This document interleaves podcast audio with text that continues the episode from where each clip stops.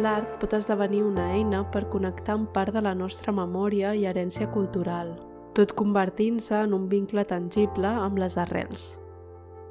Així, el procés artístic també pot ser una declaració de resistència. Des de la diàspora, els artistes sovint s'han apropat a les seves pròpies històries fent visibles situacions d'injustícia que es manifesten a través de desplaçaments forçosos, exili o discriminació però també a través del seu art han emprès una recerca de la complexitat de les seves pròpies identitats. En el capítol d'avui parlem amb tres artistes que a través de diferents disciplines comparteixen el fet que els seus projectes artístics busquen connectar amb els seus orígens. Estàs escoltant Nexes, relats sonors sobre drets i migracions. Avui, expressions artístiques des de la diàspora. Comencem avui parlant amb la Ikram Esagir, també coneguda com a Ikram Tamazik en el món de les xarxes socials. Ella és una cantant amazic que ha crescut a Barcelona i amb qui parlarem sobre la seva música, les seves lletres i d'on sorgeix la seva inspiració. Bon dia, Ikram, com estàs? Bon dia, molt bé, i tu? Doncs volia començar preguntant-te sobre com et va sorgir aquesta idea de fer música basant-te en una mescla entre aquells sons més urbans, com per exemple el trap, però sempre partint des de les tradicions i recordant els teus propis orígens. Doncs eh, és veritat que jo no vaig néixer a Nador en aquest cas, al Rif, eh, però la meva família, doncs sí, Llavors, eh, moltes coses que heredo són coses que, que m'explicava molt la meva besàvia, la meva mare, la meva àvia... No, aquesta és la nostra cultura, d'aquí venim, no? Aquests som nosaltres. Però si jo nascut aquí, jo em sento com ells, no? Perquè m'he de sentir diferent, no? Però després t'adones compte, vas creixent, t'adones compte de que a vegades hi ha gent que sí que et discrimina una mica pel que tu ets. Llavors jo vaig començar a tenir una mica de rebuig cap a la meva cultura, perquè era com, ah, doncs hauré de rebutjar la meva cultura perquè ells em puguin acceptar, saps? Però anant creixent a poc a poc t'adones compte que per molt que facis això, no ets tu, no? No ets tu perquè els teus pares o els teus avis, la teva família, sempre t'expliquen això com una cosa molt bonica. I quan baixava al Marroc també ho veia i era com, uau, m'encanta, m'agrada molt, no? En plan, aquesta és la meva cultura, m'encanta, saps? Després tornes aquí i dius, no, no, no és la meva cultura, la meva cultura és una altra. O sigui, jo, eh, jo no em sento 100% a ningú lloc, saps? Ha, ha hagut un procés molt llarg eh, d'entendre de, que, no, que no, no ha de ser de ningú lloc, que no ha de ser d'aquí o d'aquí, 100% d'aquí, 100% d'allà, saps? Perquè com et sents si tu estàs tota la teva vida en un lloc, has crescut a tota, la, tota la teva vida en un lloc, fins i tot coneixes més les tradicions d'aquí, no?, que d'allà. Llavors, eh, dius, vale, per què de, he d'odiar aquesta part de mi. Per què? Saps? No ho entenc. A mi m'encanta el trap, m'encanta el rap, m'encanta l'R&B, m'encanta la música així, però per què no escolto música del riff? No? I ja em vaig posar a escoltar música del riff, vaig investigar una mica i tot això. Investigant això de la meva cultura, més el que jo he viscut aquí i tot, i amb la gent relacionant-me, i sempre que et pregunten la mateixa pregunta, d'on ets, d'on ets, d'on ets, d'on ets, voy a ver de dónde soy, perquè no pot ser, en plan, que ni jo sàpiga què respondre, no? I com diries que això es reflecteix en la teva música? Perquè, per exemple, la barreja de la que parlava mare es veu molt clar en el tema dels idiomes. Jo diria que a totes les teves cançons fas una mescla entre la masic i el castellà. Jo tinc una connexió molt bonica entre les dues cultures entre les dues coses i no vull renunciar a ninguna i no, de, no, no he de renunciar a ninguna perquè jo sóc el que, el que sóc. I la primera cançó que vaig fer, res a veure, tot en castellà, però era com que no acabava de ser jo. Alguna cosa faltava ja. No? I un dia dic, vaig fer una cançó mig-mig. Vaig fer un mix d'una cançó amb dos idiomes, amb la masí i el castellà. Llavors vaig dir, saps què? Ho pujaré igualment. perquè jo sé que quan tens por, quan tens por d'algú és quan ho has de fer, perquè si no hi ha unes sensacions estranyes i dius, m'he de desfer d'això i no ho ocultaré perquè si no se'm quedarà al cap. Dic, ho pujo i si arriuen, ja ho borraré. Ja. I a la gent li va agradar molt. I vaig dir, doncs continuaré, continuaré. Que la gent s'adoni compte que, que no, és una, no és un idioma lleig. Si és molt bonic la Masir. Llavors, així, a poc a poc, a poc a poc, a poc a poc, fins ara. I fins i tot m'ha escrit gent que no sap amazigh i em diuen gràcies a tu ara tinc ganes d'aprendre el meu idioma perquè els meus pares no m'ho van ensenyar, que és una altra cosa. Precisament a la teva cançó La meitat parles d'aquest viatge, no? en el qual no sabies com autoidentificar-te i finalment reflexiones dient que tots som la meitat de la meitat. També em crida l'atenció d'aquest vídeo és com aquesta fusió queda molt bé reflectida en tota l'estètica, on et veiem amb un vestit tradicional amazigh pujada sobre una moto. Bueno, és que en aquest vídeo el més important era com transmetre aquest missatge, no? De estic farta de dir d'on soc, estic farta de classificar-me i posar-me en un lloc o en un altre. De que la gent, si jo no sé què sóc, que, que s'encarreguin de classificar-me ells. Estic farta, estic cansada, no? Perquè m'acceptin a qualsevol lloc el més important és acceptar-me jo i jo he de ser conscient de que no sóc res al 100%, sóc la meitat de la meitat de la meitat, de mil meitats. Per què he de dir que sóc del Marroc si no em sento del Marroc, no? Però sí que em sento amazigh, no? Sí que em sento amazigh. Quina cosa més estranya, no? I per què he de dir del Marroc, saps? Per què em sento 100% amazigh? Perquè és l'únic lloc que m'ha agafat, no? En plan, tal i com sóc, no? Aquesta noia és de fora, però sent la seva connexió d'on ve. I és com un idioma que l'estan discriminant com m'estan discriminant a mi, no? Intentem borrar aquest idioma, intentem borrar aquesta persona, la seva identitat. Intentem fer-la fora, intentem colonitzar-la, perquè és una amenaça per nosaltres que algú sigui diferent, no? Per què és una amenaça ser diferent? Doncs pues mira, és el normal, és lo normal, perquè no, estem a la meitat de tot i, i no t'has de sentir malament per sentir-te així i així i un dia així i un altre dia així. Jo crec que és més fàcil quan ho acceptes. Una de les teves cançons més conegudes té com a títol Henna Raheni i fa referència a una tradició cultural concreta. El vídeo també explica tot el procés del que es coneix com la nit de la henna prèvia a un casament. Com t'has anat informant sobre aquestes tradicions i també què ha suposat per tu fer tota aquesta recerca? Investigant em vaig donar compte que el del RIF ara sí que hi ha informació, però al moment que vaig començar, tu saps quina tortura? O sigui, no hi havia res d'informació. I te n'adones compte, dius, ostres, és que s'està perdent això i la gent no ho està documentant. Les cançons antigues no s'estan documentant. La roba tradicional no s'està documentant. Quines són les nostres joies? Els nostres besavis? La meva besàvia em va dir, ah, és que jo tenia això, però ho vaig tenir que vendre perquè estàvem en hambruna i tot s'està perdent. Tot està com desperricat, no? No hi ha informació clara de quina cosa és Amazigh d'aquí i quina cosa és Amazigh d'allà. En l'actualitat, ara, després de dos anys d'haver començat, ara si vull buscar informació de quin és de cada, quina és de cada zona, coneixent a gent que és experta i tot, ara sí, ara sí que sé una mica més això és d'aquí, això és d'allà, aquesta cultura és d'aquí, aquesta cultura és d'allà, aquest ritual de la henna en concret d'aquesta forma és del rif, aquesta és més del shluh. I res, a part d'això, a part de la cançó, que és com una mica trista, que jo li, la canto una mica com amb ritme, però és trista la cançó, la història és trista també, eh, el fet de, de la nit de la henna i tot això em sembla superbonic, que ara s'ha perdut una mica, no? això de, de tenir respecte amb la natura, connectar a través de la natura...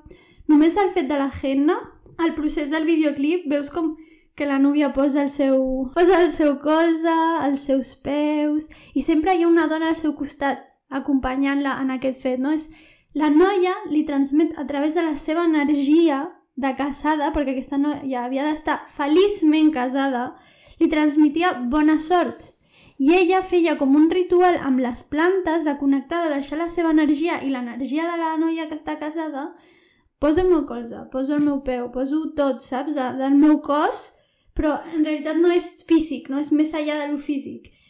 Doncs moltíssimes gràcies, Ikram, per tenir aquesta estona per parlar amb nosaltres i convidem a tothom que escolti la teva música i especialment que llegeixi les teves lletres.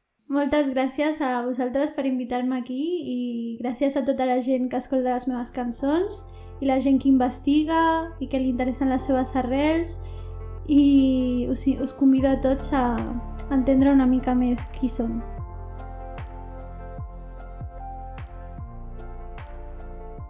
Parlem ara amb el pintor saharaui Awa Walad, Volia començar preguntant-te sobre la teva exposició titulada Memòries d'un exiliado saharaui, amb la que has viatjat a diversos països del món, com per exemple Mèxic, entre d'altres, i on il·lustres les teves experiències, també la de moltes altres persones, creixent i vivint als campaments de població refugiada saharaui. Eh, bueno, primero quiero agradeceros y daros las gracias por haber eh, contado conmigo y contar con, si, no, con el pueblo saharaui, con un artista saharaui que ha nacido en los campamentos de refugiados saharauis.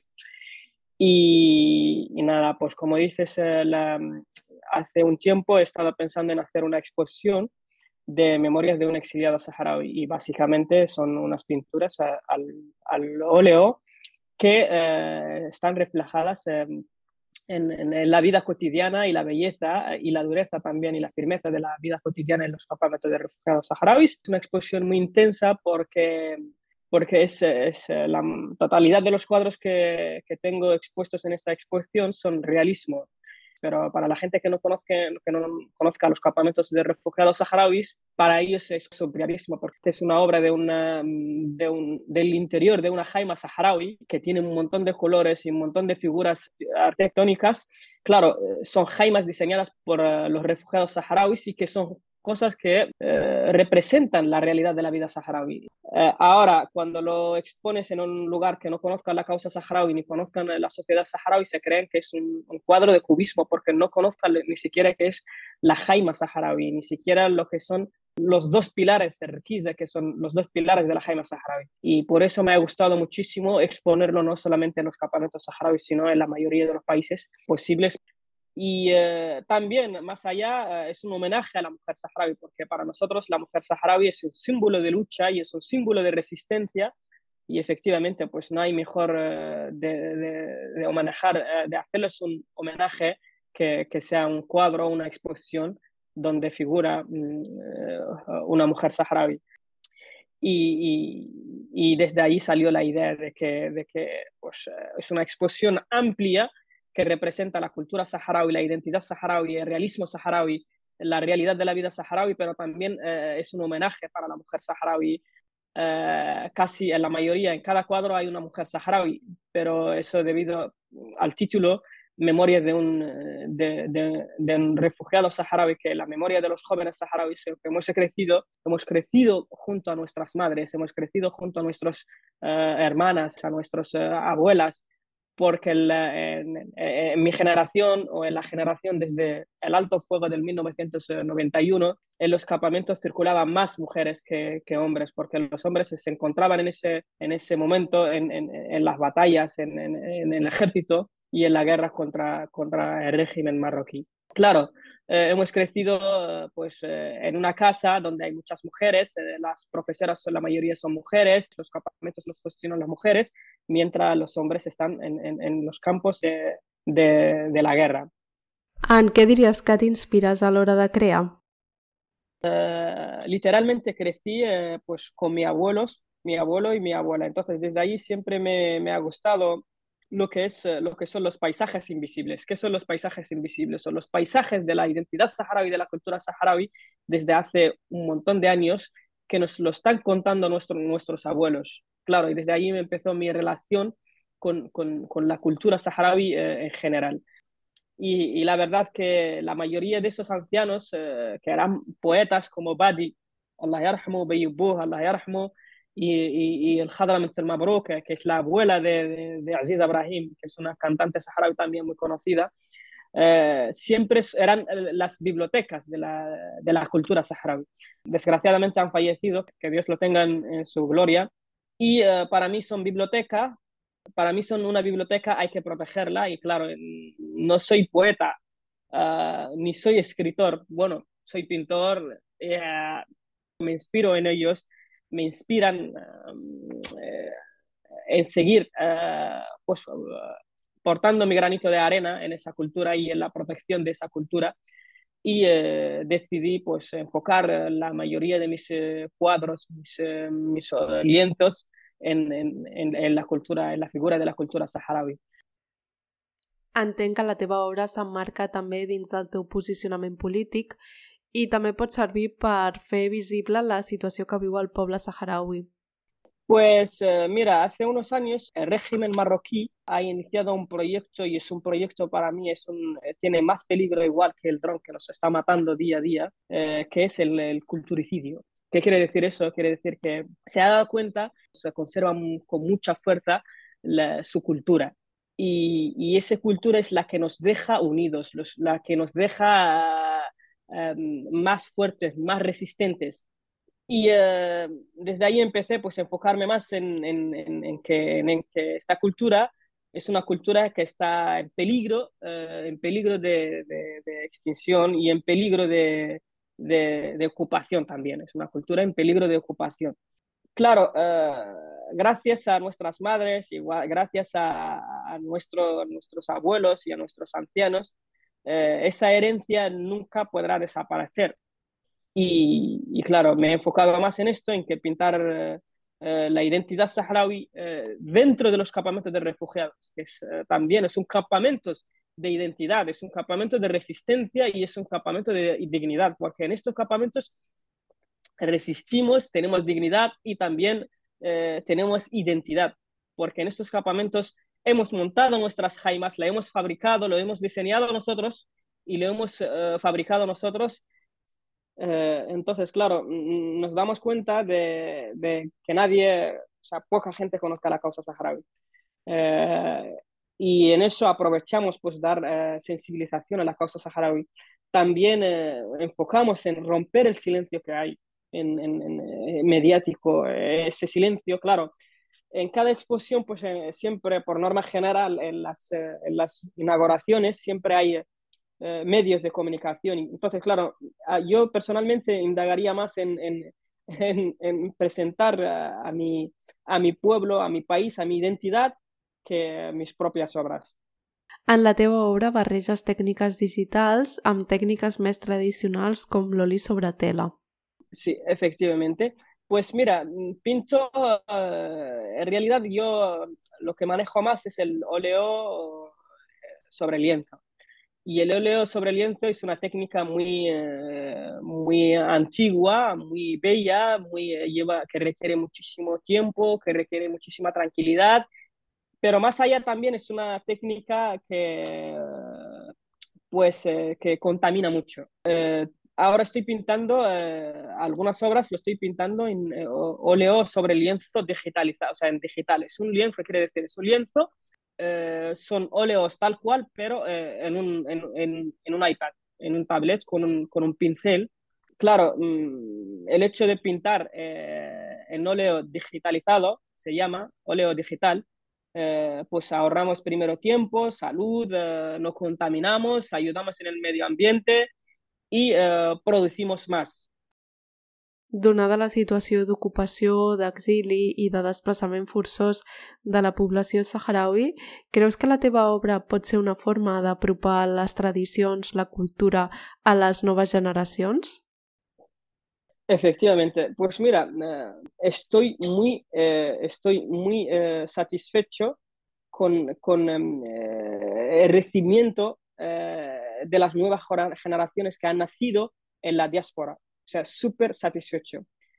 Cuando he empezado a publicar mis obras de arte, la mayoría de los fans son saharauis que han crecido en España. Son saharauis que tienen muy poca relación uh, con los campamentos de refugiados. Son gente que ha crecido aquí, son saharauis que han crecido aquí. Y también, igual que algunos escritores uh, han tenido muchísimo público de saharauis que han crecido en la diáspora pues eh, volvemos a nuestras raíces, volvemos a nuestros eh, orígenes. Y claro, eh, a cualquier persona les gustaría mucho cuando empieza a investigar en sus raíces, en sus orígenes, orígenes encontrará alguna, alguna, alguna obra de arte, da igual que sea música o pintura o un libro, para, para recibirle en sus raíces y para recibirle en su cultura saharaui. Y, efectivamente, pues eh, la mayoría de los jóvenes saharauis que han, que han, crecido aquí, que han venido en el programa de vacaciones en paz y se han quedado aquí siempre, me han hablado también de otros artistas, escritores saharauis y cantantes, y yo creo que también es una, es una forma mm, para, para, para acercar a estos saharauis a su, a, su, a su cultura, a sus orígenes y a sus raíces, y para también ayudarles en el momento que van a investigar hacia su cultura y su identidad a mí me hubiera gustado que en cada casa saharaui, eh, en la diáspora, en, cada, casa saharaui en el mundo exterior, eh, fuera de los campamentos de refugiados, que tenga un cuadro que representa uh, la cultura saharaui, que tenga un cuadro en donde crecen los niños y preguntarán eso qué es, pues el padre o la madre le responderá eso es Rahla, Rahla, pues desde ahí se iniciará una larga conversación sobre la cultura saharaui, lo que es Rahla, cómo se monta, quién le monta, si es femenina o masculina, si es, eh, vamos, eh, si es en, del norte o del sur. Y, y, y desde ahí pues, eh, se inicia una conversación en la familia sobre la cultura saharaui y seguramente a muchas personas les, les interesa. Y, y, nada, pues es mi granito de aportar en la protección de la, o, en conservar la memoria de la literatura saharaui y la cultura saharaui eh, a través del, eh, de, mis, de mis óleos i de mis pintures. Moltíssimes gràcies, Walat, per dedicar-nos a aquesta estona. Aprofitem per recordar a tothom que vulgui seguir-te que ho pot fer a través de xarxes socials on comparteixes part de la teva obra.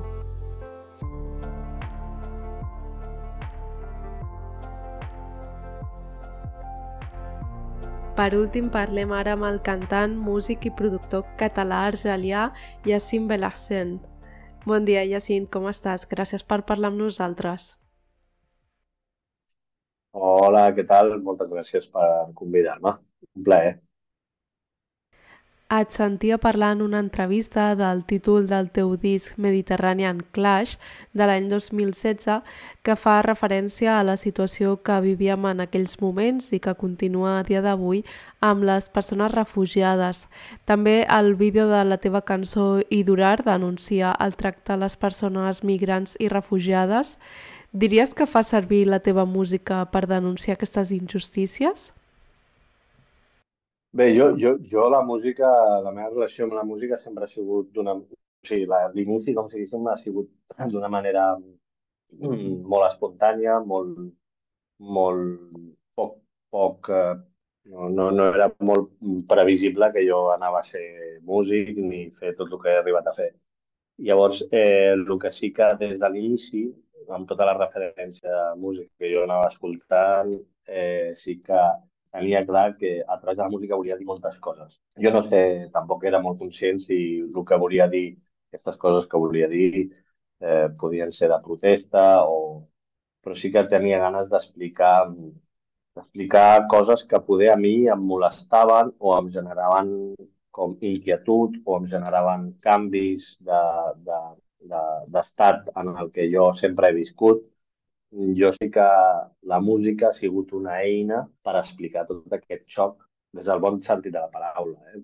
Ara dic, ho dic eh, així, sí que és veritat, moltes vegades no és fàcil explicar aquesta barreja ni és molt fàcil explicar aquesta, aquesta situació mm, molt difícil d'explicar moltes vegades amb les persones que som de diferents llocs. No? Llavors, eh, ja no només, sinó l'estereotip que es posa quan es posa, es, es posa a la persona immigrant, sinó a l'estereotip al fet de que eh, de ser diferent. No? Pues jo a Algèria em deia Yassin Billassen, però eh, era fill d'una catalana. No? I això tenia una connotació molt concreta. I allà també em generava conflicte perquè, evidentment, a, a, a lo que era el barri o que era l'entorn social, no és que fos molt ben vist que tu fossis fill d'una catalana. I després, quan jo arribo aquí, doncs el mateix, no? Era com, bueno, jo dic així, Bellàcer i Benet, de la part catalana, però mm, també era una, una visió estranya, mm, exòtica, digue-li orientalista, no? una visió com molt, molt, bueno, molt, molt en un lloc que tampoc jo em sentia identificat Eh, llavors, eh, aquesta sensació de no pertànyer a cap d'aquests dos jocs pues, ha fet moltes vegades que ho intenti explicar a través de les cançons. I aprofitant aquesta incomoditat i aquest xoc, pues, sí que és veritat que a partir d'allà eh, m'he sentit molt identificat amb, amb el fet de, de les persones que en algun moment es troben amb la necessitat o amb l'obligació o, digue-li el que vulguis, de marxar, no? de marxar, deixar casa seva, deixar el seu entorn, deixar bueno, d'haver de, de, de, de, de sortir a córrer cuita. Per tant, sí, la meva música sempre gira al voltant de, tot, de tots aquests conceptes i aquestes volades. També t'he sentit parlar d'aquesta nostàlgia d'un territori que ara està lluny. I en aquest sentit penso, per exemple, en la teva cançó Fatho al Vivan, que en àrab vol dir obrir les portes, on recordes part de la teva infància al G parlo molt del G perquè, com tu saps, Algèria és quasi, quasi com Europa, com a territori. Cada regió és un caràcter, no? Però jo quan parlo d'Algèria parlo molt d'Alger, de, la, de, de, lo, de lo que és la, la capital d'Algèria, una ciutat molt cosmopolita, amb molta barreja de, de, de molts llocs, ja, ja no solament de lo que és Algèria, sinó en general com a, com a, com a ciutat històrica també i aquest caràcter eh, de comunitat, de, bueno, de, de, de, de, de, de, de viure amb, amb, amb, amb un barri, en el, jo en el meu cas vivia en un barri molt popular i en el que el concepte de comunitat era de veritat. I eh, era molt curiós que, bueno, abans, de, o sigui, jo quan era petit jo anava a casa dels meus veïns i picava dos cops i obria la porta. I la porta estava oberta. Estaven obertes, les portes de les cases estaven obertes. Dels meus avis, quan jo arribava, picava dos portes, dos cops i, i, i la porta estava oberta. I aquesta cançó és una mica en record d'aquella època i en, aquest, en, aquella època, en aquella època de confiança, confiança entre els veïns i veïnes de, del barri.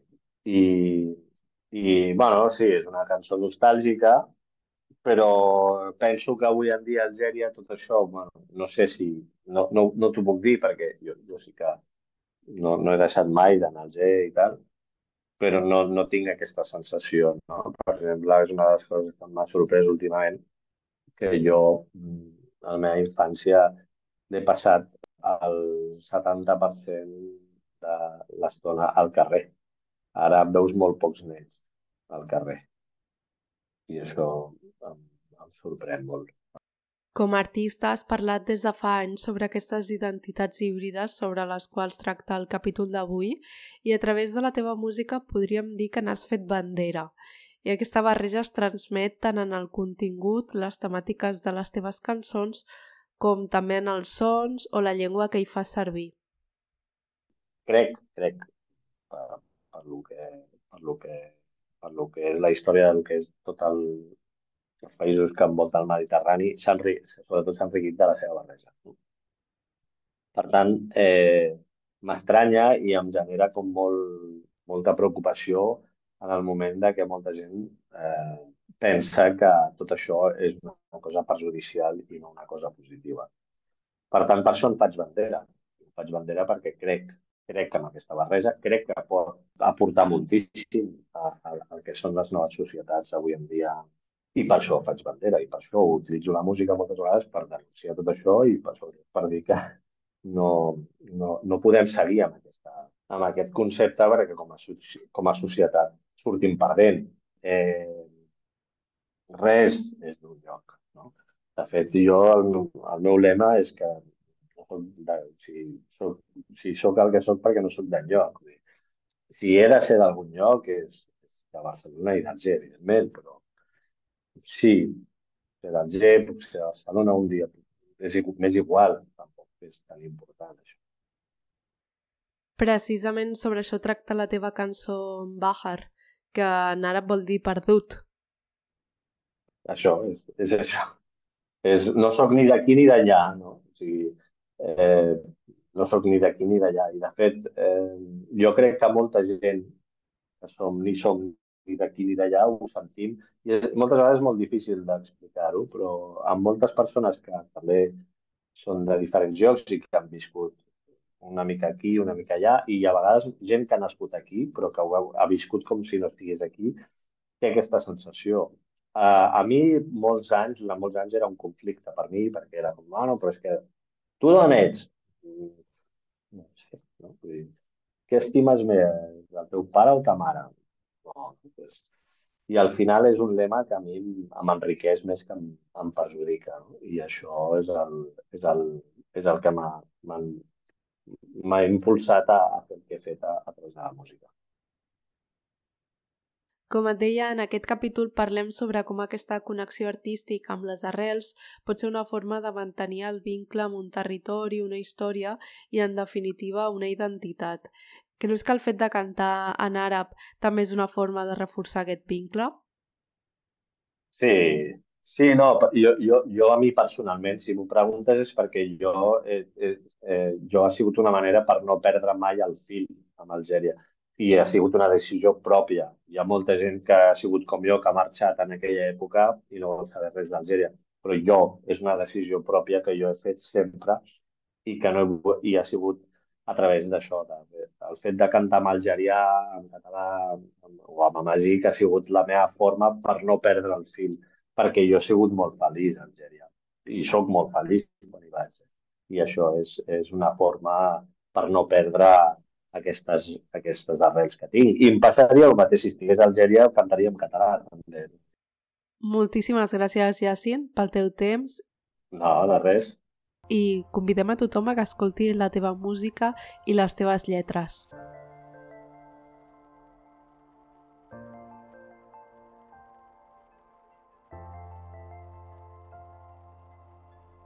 Tal com hem escoltat, les creacions artístiques des de la diàspora neixen de la necessitat d'entendre i reconciliar realitats marcades per les fronteres, les migracions i la discriminació. La identitat i la memòria cultural són temes crucials en aquestes narratives.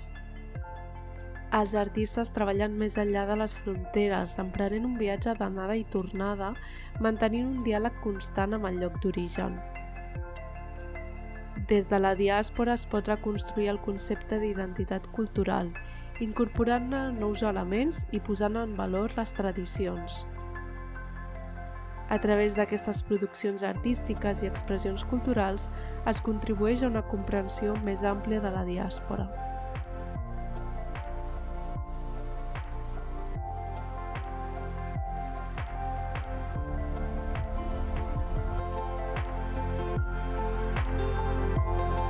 Gràcies per escoltar-nos. Això és Nexas, relats sonors sobre drets i migracions. Un projecte del Siemen i Som Part.